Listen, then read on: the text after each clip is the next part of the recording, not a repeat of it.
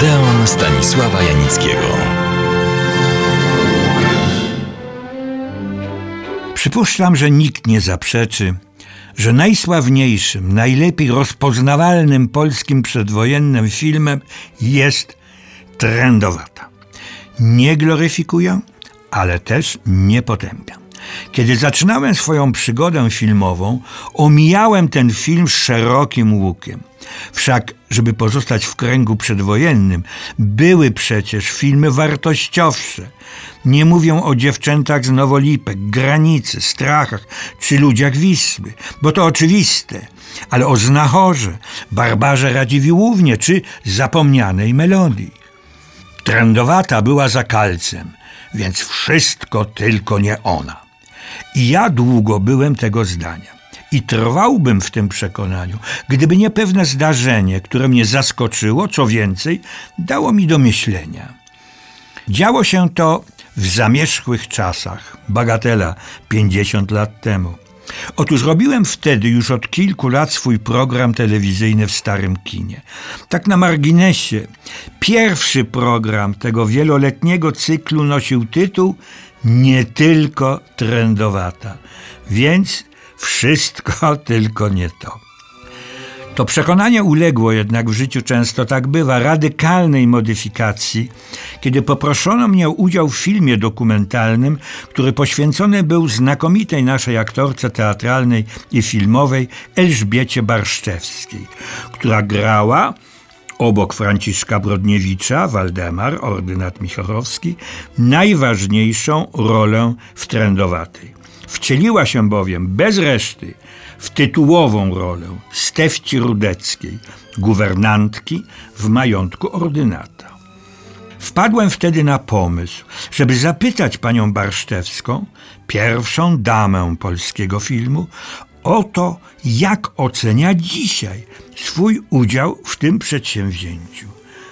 Dodam, że pani Barszczewska, jak się okazało, nie widziała tego filmu od dnia premiery, to znaczy od 17 września 1936 roku. Zorganizowano w jednej z sal projekcyjnych wytwórni w Łodzi pokaz trendowatej. To był początek lat 70. Pani Barszczewska nie wiedziała, że ten film po tylu latach zobaczy. Obejrzała go bez słowa komentarza do końca. Kiedy zapaliły się światła, zapanowała chwila ciszy. Po czym pani Barszczewska cicho, bez akcentowania jakiegokolwiek słowa powiedziała: Przecież to jest film o miłości, o tym ponadczasowym, wiecznym uczuciu, które jest zawsze aktualne i zawsze piękne, a czasami kończy się tragicznie obojętnie kiedy się rozgrywał. Po latach natrafiłem też na wypowiedź Jadwigi Smosarskiej na temat trendowatej, a przecież to ona była pierwszą odtwórczynią roli Stefci Rudeckiej w pierwszej, jeszcze niemej wersji trendowatej z 1926 roku. Oto co powiedziała.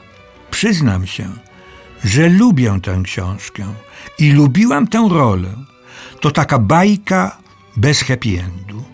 Zdjęcia kręciliśmy w Natolinie u hrabiny Potockiej.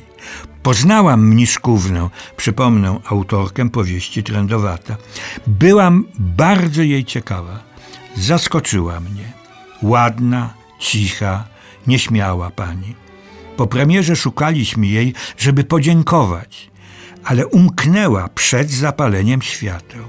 Potem Gniazdowski, chyba najlepszy operator polskiego filmu przedwojennego, otrzymał od niej list, w którym wyrażała swoim charakterystycznym stylem wdzięczność za, dosłownie, poemat pól i lasów polskich, wyśpiewany mistrzowsko na palecie złudzeń świetlnych żeby jednak nie było zbyt drzewnie i ckliwie, oto co napisał po premierze trendowatej Antoni Słonimski, gniewnie i bezpardonowo. Cytuję. Nowa, trendowata produkcja pana Herca, dodam, że był on pionierem polskiej kinematografii, zarówno jako producent, właściciel wytwórni Sphinx, jak i reżyser. Otóż, zdaniem Antoniego Słonimskiego, trendowata, cytuję dosłownie, nie jest krokiem postawionym naprzód, ale wielkim biegiem sztafetowym w tył. Trendowata stacza się poniżej niezbędnego poziomu obrazów Sfinksa. Nie można jednak odmówić panu Hercowi sprytu kupieckiego. W obrazach obliczonych na najniższy gust publiczności jest swojego rodzaju majster. Sam pomysł filmowania trendowatej to klasyczny przykład cynicznej, rabunkowej gospodarki Sfinksa. Trendowata, bożyszcze, kucht, szwaczek ma powodzenie graniczące z obłędem. Kopia pierwszej, jeszcze niemej trendowatej, niestety nie zachowała się. Istnieją tylko fotosy, wspomnienia i unikalny program do tego filmu. Dzięki niemu nie tylko poznajemy przebieg akcji, ale przede wszystkim atmosferę, jaka otaczała tę powieść i ten film. Cytuję jedną z anegdot. Wybitny literat, pierwszorzędny krytyk spędzał urlop w Zakopanem i zaczytywał się trendowatą. Rano i po obiedzie widywano go idącego z romansem mniszkówny pod pachą. Pewna znajoma tego krytyka zaczęła ironizować jego rozmiłowanie się w trendowatej, na co on odparł poważnie i sucho. Jeżeli pani wyśmiewa trendowatą, to tylko dowodzi, że pani nie ma serca. Tak, ogromne powodzenie trendowatej pochodzi stąd, że w tej książce i filmie jest dużo, może czasami za wiele serca. A jak to serce w filmie przedstawiono, opowiem Państwu za tydzień. Serdecznie do naszego Odeonu zapraszam.